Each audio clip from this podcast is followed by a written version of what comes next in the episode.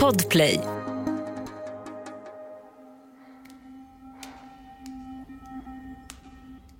Jag hör mina bara fötter mot det hårda, kalla stengolvet. Från väggarna blickar porträtt av kungar, grevinnor och baroner ner på mig med högfärdiga miner. Månljuset gör dem liksom askgrå i ansiktet. Jag ville bli en av dem. Och kanske är det inte för sent än. Jag vet att jag bryter mot säkert fem av slottets regler när jag är uppe och smyger på natten så här. Men jag måste hitta Jana. Om jag bara får se henne välbehållen så kan jag få de här konstiga fantasierna ur mitt huvud. Då vet jag att allt är som det ska. Det skira tyget från mitt nattlinne frasar när jag rör mig genom korridoren. När jag vänder runt ett hörn känner jag den. En svag doft av järn följt av ljudet av fotsteg. Fotsteg som kommer allt närmare.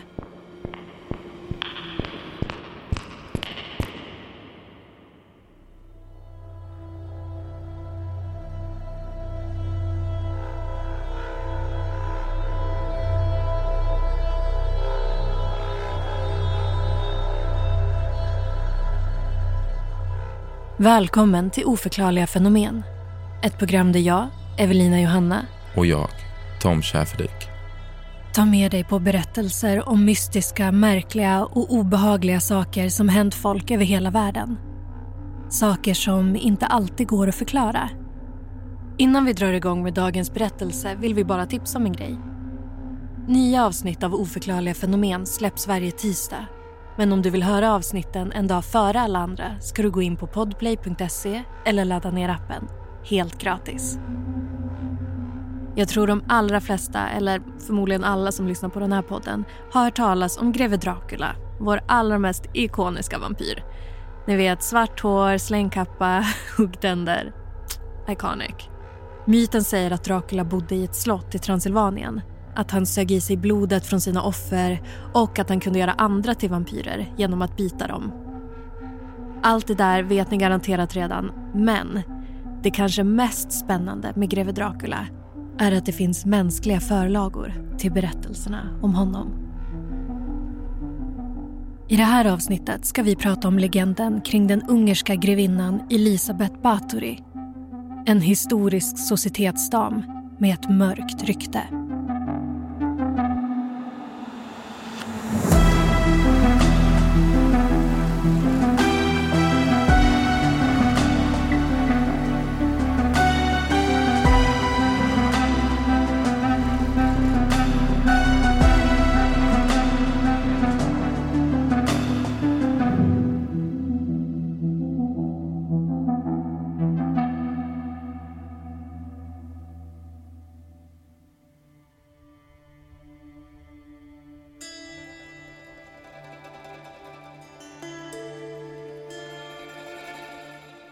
På en vildvuxen kulle i utkanten av vad som idag är Slovakien finns en söndervittrad ruin. Det är rester av slottet Kastice. En anrik byggnad som bär på minnen från en svunnen tid. Och om väggarna där kunde tala skulle de vittna om förlamande skräck och djup sorg.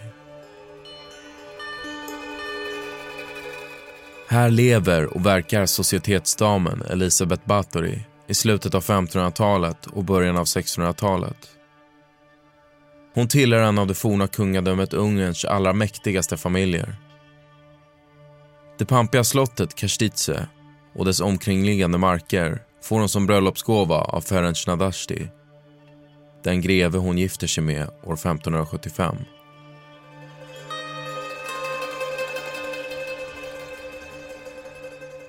Bröllopet är ett politiskt arrangemang noga utstuderat av två inflytelserika familjer som vill behålla adligt blod genom släktleden. Efter giftermålet flyttar makarna in i det praktfulla slottet Kastice och det är nu allt börjar.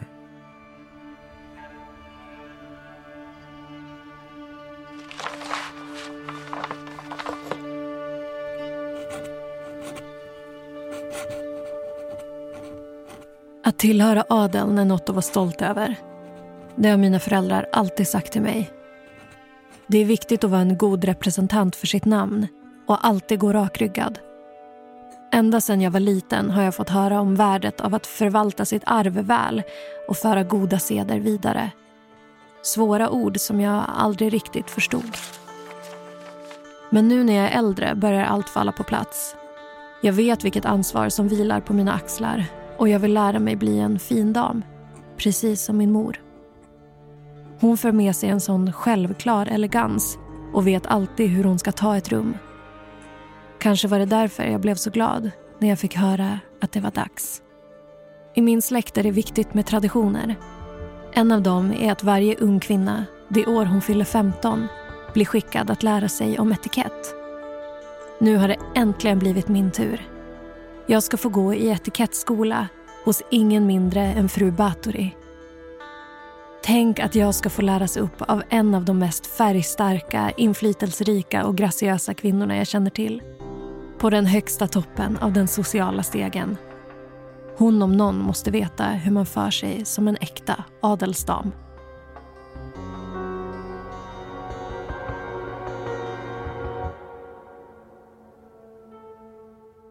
Grevinnan Elisabeth Bathory är bara 14 år gammal, fortfarande ett barn vid tiden för giftermålet. Hon föds 1560 med en högt uppsatt aristokrat till mamma och en ungersk baron till pappa. Föräldrarna, som tillhör två grenar av samma släkt, besitter stora rikedomar och har flera borgar runt om i trakterna. I en av dem, vid byn Eshed, växer Elisabeth upp. Elisabeth får en strikt religiös uppfostran. Hon är privilegierad nog att få en god utbildning och lär sig tidigt både tyska, latin, ungerska och grekiska. Hemma är Elisabeth hårt hållen, men det ryktas om att hon som liten har ett väldigt hett temperament. Ett ettrigt barn som lätt brusar upp och agerar utan att hinna tänka först. Viljan att behålla sina stora rikedomar inom familjen har lett till flera generationers inavel, vilket dagens historiker tror kan ha påverkat Elisabeths hälsa. Som liten får hon krampanfall, som att hon lider av epilepsi eller någon annan neurologisk sjukdom. Tidigare har man trott att den som har episoder är besatt av något. Att demoner har tagit över ens kropp.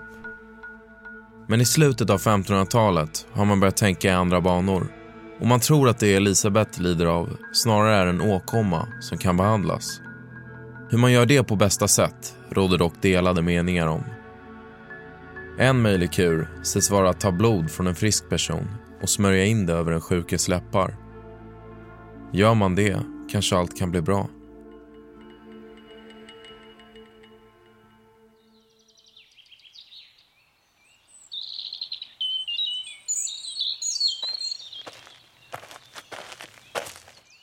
När jag blickar upp mot den lummiga kullen måste jag nypa mig i armen. Jag kan inte förstå att jag faktiskt är här, vid slottet Karstitze. Den är verkligen en fröjd för ögat med sin gotiska arkitektur och många torn. Som ett pussel av sten. Samtidigt har den något mystiskt över sig. Som om tiden håller andan vid dess murar.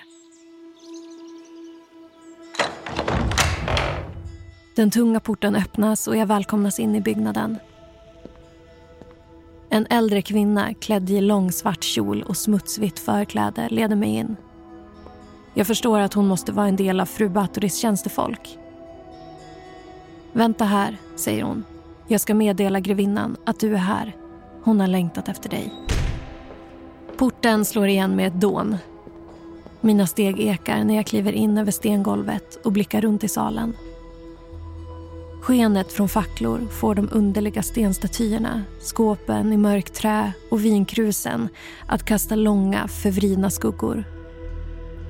I huvudet snurrar tjänstekvinnans ord. Sa hon verkligen att fru Bathory hade längtat efter mig?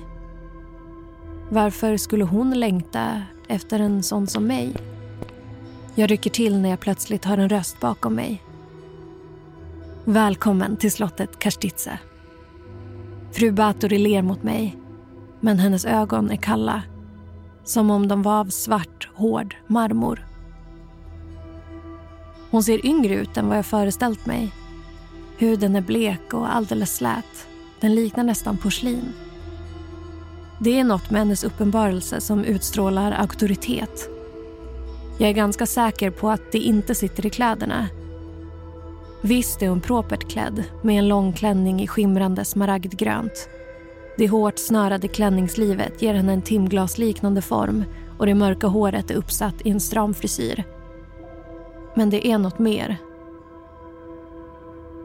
Jag niger artigt och presenterar mig, mån om att göra ett gott första intryck. Jag heter Milena, säger jag och lyfter lätt på kjolen. Fru Bathory tar några steg fram tills hon står alldeles intill mig.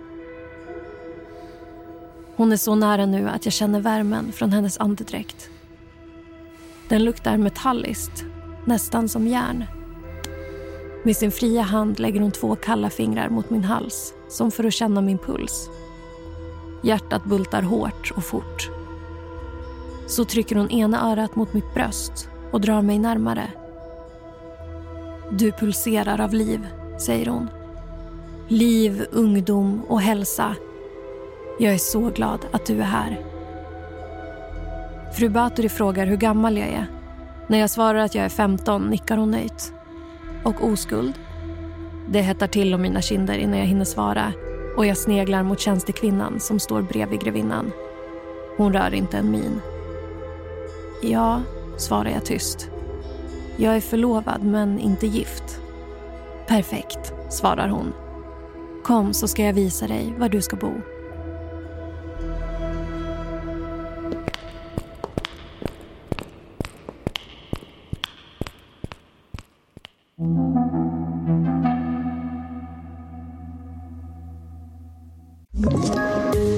Poddtips från Podplay. I podden Något Kaiko garanterar östgötarna Brutti och jag, Davva, dig en stor dos skratt. Där följer jag pladask för köttätandet igen. Man är lite som en jävla vampyr. Man har fått lite blodsmak och då måste man ha mer. Udda spaningar, fängslande anekdoter och en och annan arg rant.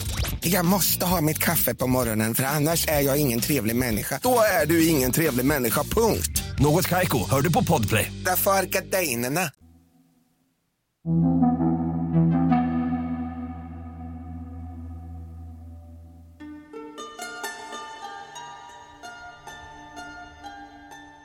Tre år in i äktenskapet, år 1578, får Elisabets make ett ärofyllt men livsfarligt uppdrag.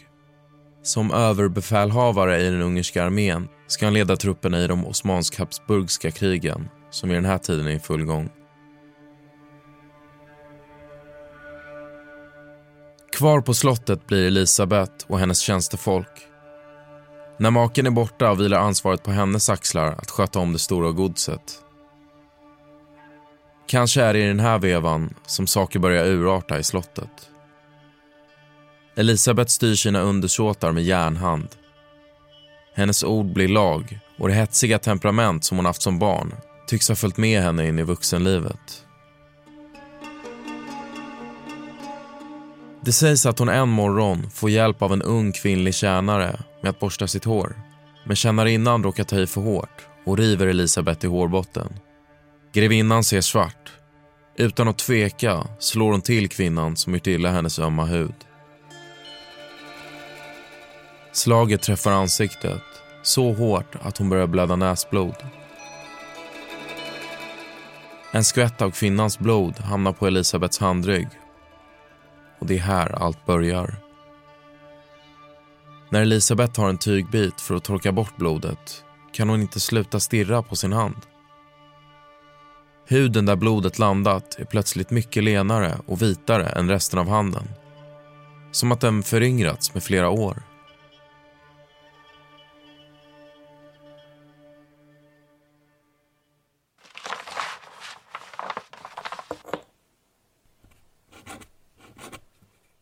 Det är svårt att hålla koll på tiden när dagarna går i ett. Men jag tror att jag måste ha varit här i en knapp vecka nu. Schemat vi följer är strikt. Varje dag uppstigning i gryningen, hårt arbete och sen sänggång. Och ständiga pauser för den konstiga maten. Patéer, skinka, korv. De säger att köttet är bra för vår hälsa. Hela tiden väntar jag på att etikettlektionerna ska börja. Men det händer aldrig. Istället skurar vi golv, skalar potatis, tvättar sängkläder. Det enda vi egentligen fått lära oss är husets alla regler. De är många och hårda. Men en verkar vara viktigare än alla. Under inga omständigheter får vi störa grevinnan när hon tar sina bad. Själv kan jag inte förstå varför det skulle vara det värsta som kan hända. Men å andra sidan är det mycket här jag inte förstår. Och det är något med de andra flickorna. Det är som att de är frånvarande, fast de ändå är där. Deras hålögda blickar och bleka hy ger ett nästan sjukligt intryck och jag har knappt hört dem byta ett enda ord med varann. När jag söker ögonkontakt vänder de bort blicken. Den enda jag lyckats prata med lite är Jana, flickan som har sängen bredvid min. Hon har blivit min enda vän här. En dag bestämmer jag mig för att försöka lära känna en av de andra adelsflickorna. Vi borde ha mycket gemensamt, tänker jag. Och om vi ändå ska gå i skola tillsammans måste vi ju kunna bli vänner. De är säkert bara blyga och jag har nog byggt upp konstiga scenarier i mitt huvud. Flickans rynkade röda sammetsklänning släpar i golvet när hon rör sig genom spegelsalen. Det måste vara ett av de pampigaste rummen i hela slottet. Och hon ser ut att vara tagen från en tavla. Tänk att få glida fram i en dans här med en stilig kavaljer. När jag får en lucka smyger jag ikapp henne för att fråga vad hon heter. Så fort hon hör min röst stelnar hon till och vänder sig snabbt mot mig. Ridån går ner över den vackra scen jag målat upp i mitt huvud. I farten hamnar hennes klänning lite på sned. Ärmen har glidit upp mot armvecket och blottar en samling röda märken över hennes tunna, bleka hy. Som om någon hållit henne i ett hårt grepp. Snabbt rättar hon till den. Jag vill fråga henne vad det är som har hänt, om hon är okej. Okay. Men vi får aldrig en chans att prata ostört. Någon av grevinnans tjänstekvinnor är alltid med oss. När jag försöker viska till henne sätter hon skräckslaget fingret mot munnen. Det jag inte vet är att hennes tystnad i själva verket är det som talar allra högst.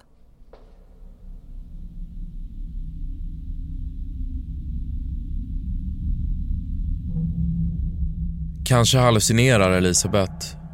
Kanske har hon blivit galen. Eller kanske är det faktiskt sant. Idén om blodets helande och föryngrande effekt blir till en besatthet.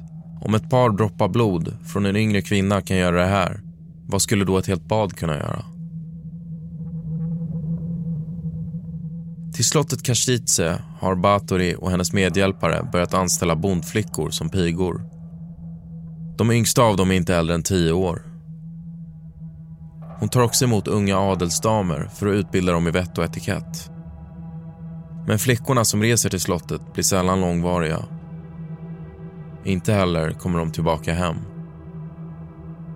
Enligt legenden faller många flickor som kommer till slottet offer för fru Bathory och hennes medhjälpares brutala våld. Det sägs att Bathory bland annat brännmärkt vissa offer med eldat järn, stuckit nålar under deras naglar och deformerat deras kroppar med vassa föremål. I andra historier vittnas om hur hon blött sina offer med iskallt vatten och sen lämnat dem utomhus och frysa ihjäl i den mörka vinternatten. Eller täckt dem med honung och myror och lämnat dem för att bli attackerade av andra kryp.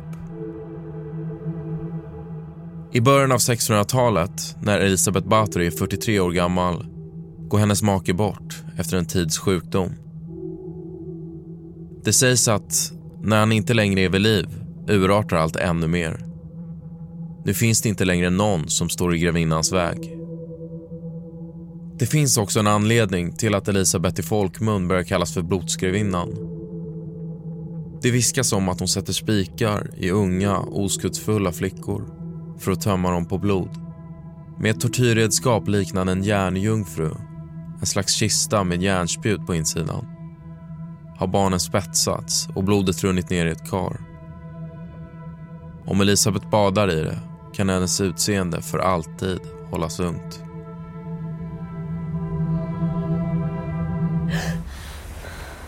Jag vaknar med ett ryck. Rummet är blekt av månens sken. I sängen bredvid sover Jana. Hennes taktfasta andetag gör mig alltid lugn. Men någonstans i bakgrunden hör jag det ljud som måste ha väckt mig. Det känns som att det är nära och långt bort på samma gång. Som ett barns kvävda skrik. Som att någon kämpar för sitt liv. Men så plötsligt blir det tyst. Jag tänker att jag måste ha inbillat mig och efter mycket vridande och vändande somnar jag om.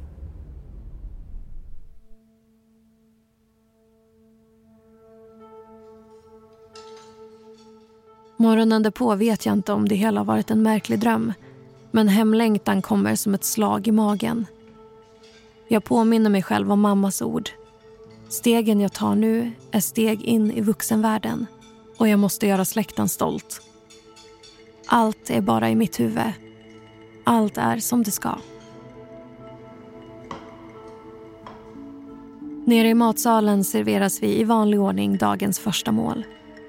Portionerna är stora och jag förstår inte varför vi måste äta så mycket hela tiden. Men det är något annorlunda vid det långa bordet. Fundersamt tittar jag runt bland flickorna. Visst saknas väl två? Till slut tar jag mod till mig och frågar vad de är. Jag tänker avundsjukt att de kanske har lektion med fru Bathory. En av tjänstekvinnornas ansikte bleknar och hon tittar på mig som för att säga förlåt. Den andra kvinnan reagerar inte på samma sätt. Det är som att tiden står stilla i väntan på att hon ska säga något.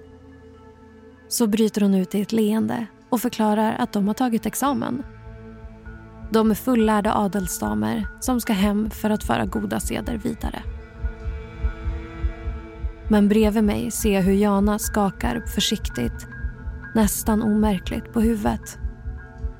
Hon ser vettskrämd ut när jag försöker möta hennes blick. Mitt hjärta slår hårt och fort, som att det är på väg ut ur bröstet. Jag misstänker att det tjänstekvinnan sagt nog inte är hela sanningen.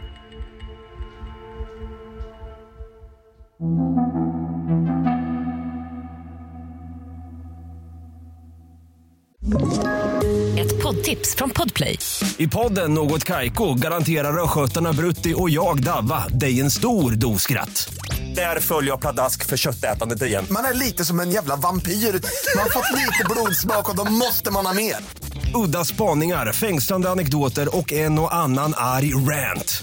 Jag måste ha mitt kaffe på morgonen för annars är jag ingen trevlig människa. Då är du ingen trevlig människa, punkt. Något Kaiko, hör du på Podplay. Därför är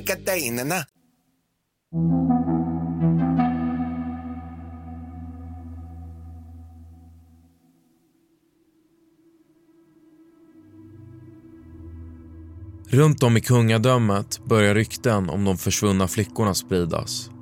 I trakterna kring slottet hittas döda kvinnokroppar med märkliga skador. Vissa kroppar är brännmärkta, andra saknar kroppsdelar.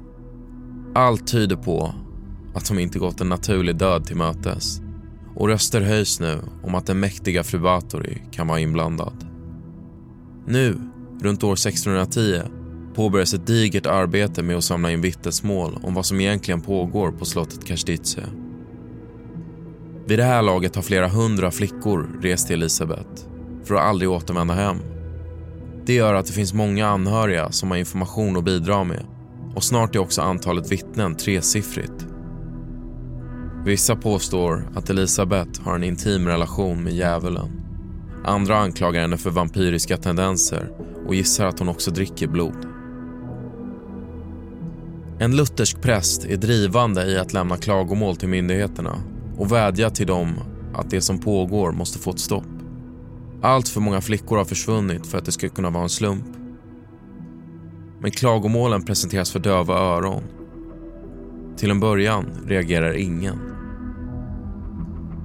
Elisabeth Bathorys höga samhällsposition gör det inte helt enkelt att veta hur fallet ska hanteras. Kanske är hennes status också vad som gjort att hon kommit undan med sitt beteende så länge som hon faktiskt gjort. En mäktig kvinna som styrt ett kungadöme utan en man vid sin sida.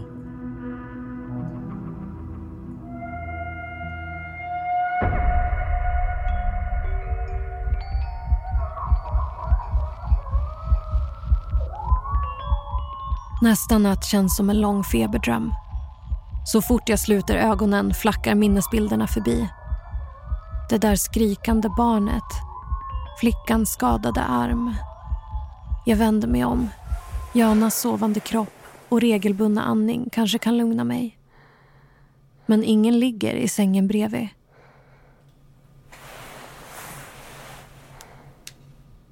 Det är som att en utomkroppslig kraft bär mig när jag tar smygande steg mot dörren ut ur sovsalen. Jag måste hitta henne. Hon ska bli beviset på att det bara är mina sjuka fantasier som spelat mig ett spratt. Att allt är som det ska. När jag går genom slottets korridorer slås jag av hur stilla det är. Det enda som hörs är mina barfota fötter mot det kalla stengolvet och fraset från nattlinnets underkjolar.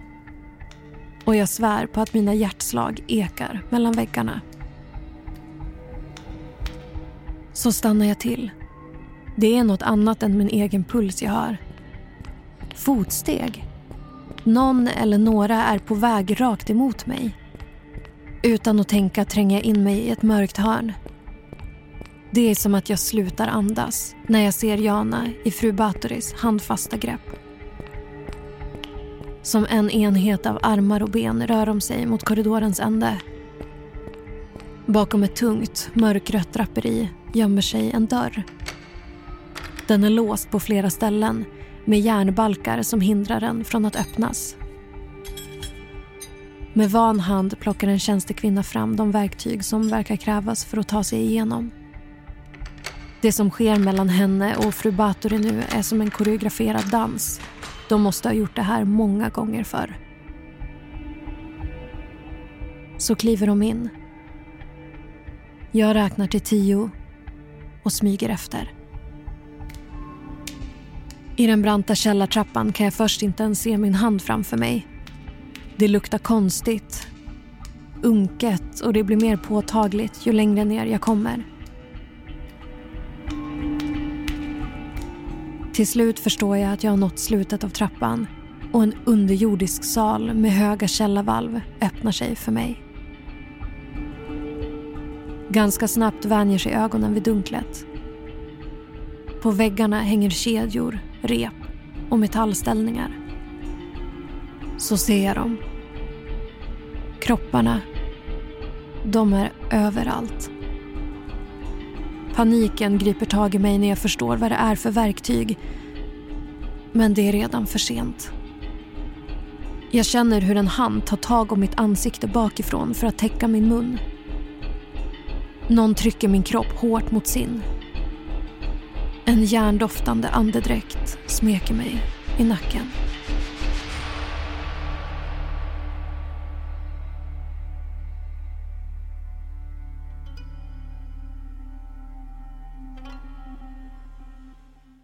Det sägs att det görs ett oannonserat besök på slottet Kastitse där Elisabeth Bathory blir tagen på bar gärning. Hon konfronteras mitt i akten av att tortera en flicka och grips tillsammans med sina medhjälpare. På golvet ligger flera döda eller döende kroppar. Om konfrontationen hanteras fel kan det leda till en stor politisk skandal. Att Elisabeth blir dömd och avrättad skulle innebära katastrof för riket, så det utesluts snabbt. Istället beslutas att hennes straff ska bli husarrest. Grevinnan ska bli kvar i slottet Kastitse för evigt. Det sägs att man nu murar in henne i sin egen sovkammare. Och hjälpredorna går ett värre öde till mötes. Två av dem halshuggs innan de bränns på bål. Ytterligare två får sina fingrar avhuggna och begravs sen levande. Vad är legenden om fru Bathory som faktiskt är sant och vad som är rykten eller efterhandskonstruktioner är svårt att veta säkert. Vissa historiker påpekar att historierna om ritualmord och tortyr kan ha kryddats till under årens gång. Andra föreslår att hon var oskyldig och att anklagelserna varit konspirationer mot henne. Men för de flesta är grevinnan Elisabeth Bathory känd som en av historiens värsta seriemördare. En kvinna som utnyttjat sin höga samhällsposition för att dölja en systematisk tortyrverksamhet och sin besatthet av unga oskulders blod. Det finns också de som menar att Blodskrivinnan har varit den främsta inspirationen till berättelsen om greve Dracula. Elisabeth Bathory dör år 1614 i slottet Karstice. Hennes själ sägs än idag leva kvar vid dess ruiner. Där driver hon nu ensam runt, fast mellan jordelivet och nästa dimension. Till en början stretar jag emot, men jag har ingen chans. Jag är helt låst i Elisabeths grepp. Hon är oväntat stark. Mina ögon är svullna av gråt men genom grumlet möter jag en liggande flickas blick. Det är Jana och hennes mun formar ordet hjälp. Men jag kan inte hjälpa. Jag kan inte ens rädda mig själv. De sylvassa spikarna stirrar hotfullt mot mig när grevinnan öppnar kistan. Vad bra att du kunde komma tidigare, säger hon. Jag längtade just efter ett bad.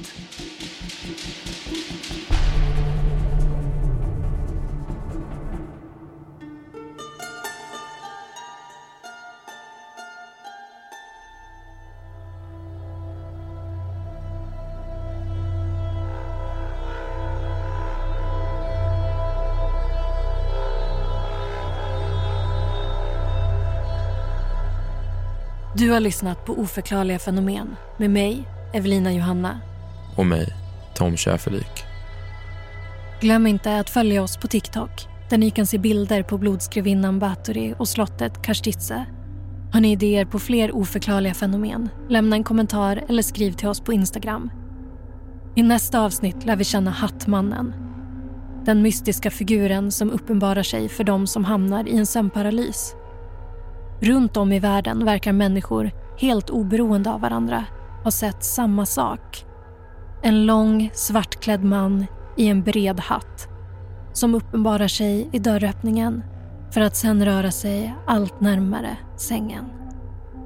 Manuset i det här avsnittet är skrivet av Annie Hogner. Redaktör Saga Wadensjö. Originalmusik Adam Bejstam. Huvudtema Oscar Wendel. Ljuddesign och exekutiv producent Daniel Murberg. Oförklarligt görs av oss på podcastbolaget Cast.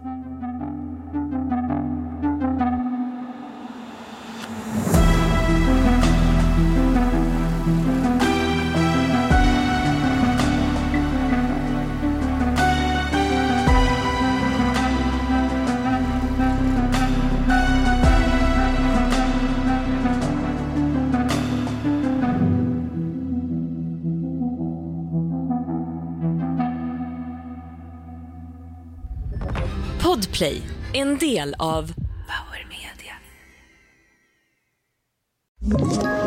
Ett poddtips från Podplay. I podden Något Kaiko garanterar östgötarna Brutti och jag, Davva, dig en stor dos skratt. Där följer jag pladask för köttätandet igen. Man är lite som en jävla vampyr. Man har fått lite blodsmak och då måste man ha mer. Udda spaningar, fängslande anekdoter och en och annan arg rant. Jag måste ha mitt kaffe på morgonen för annars är jag ingen trevlig människa. Då är du ingen trevlig människa, punkt. Något Kaiko, hör du på Podplay. Därför arkadeinerna.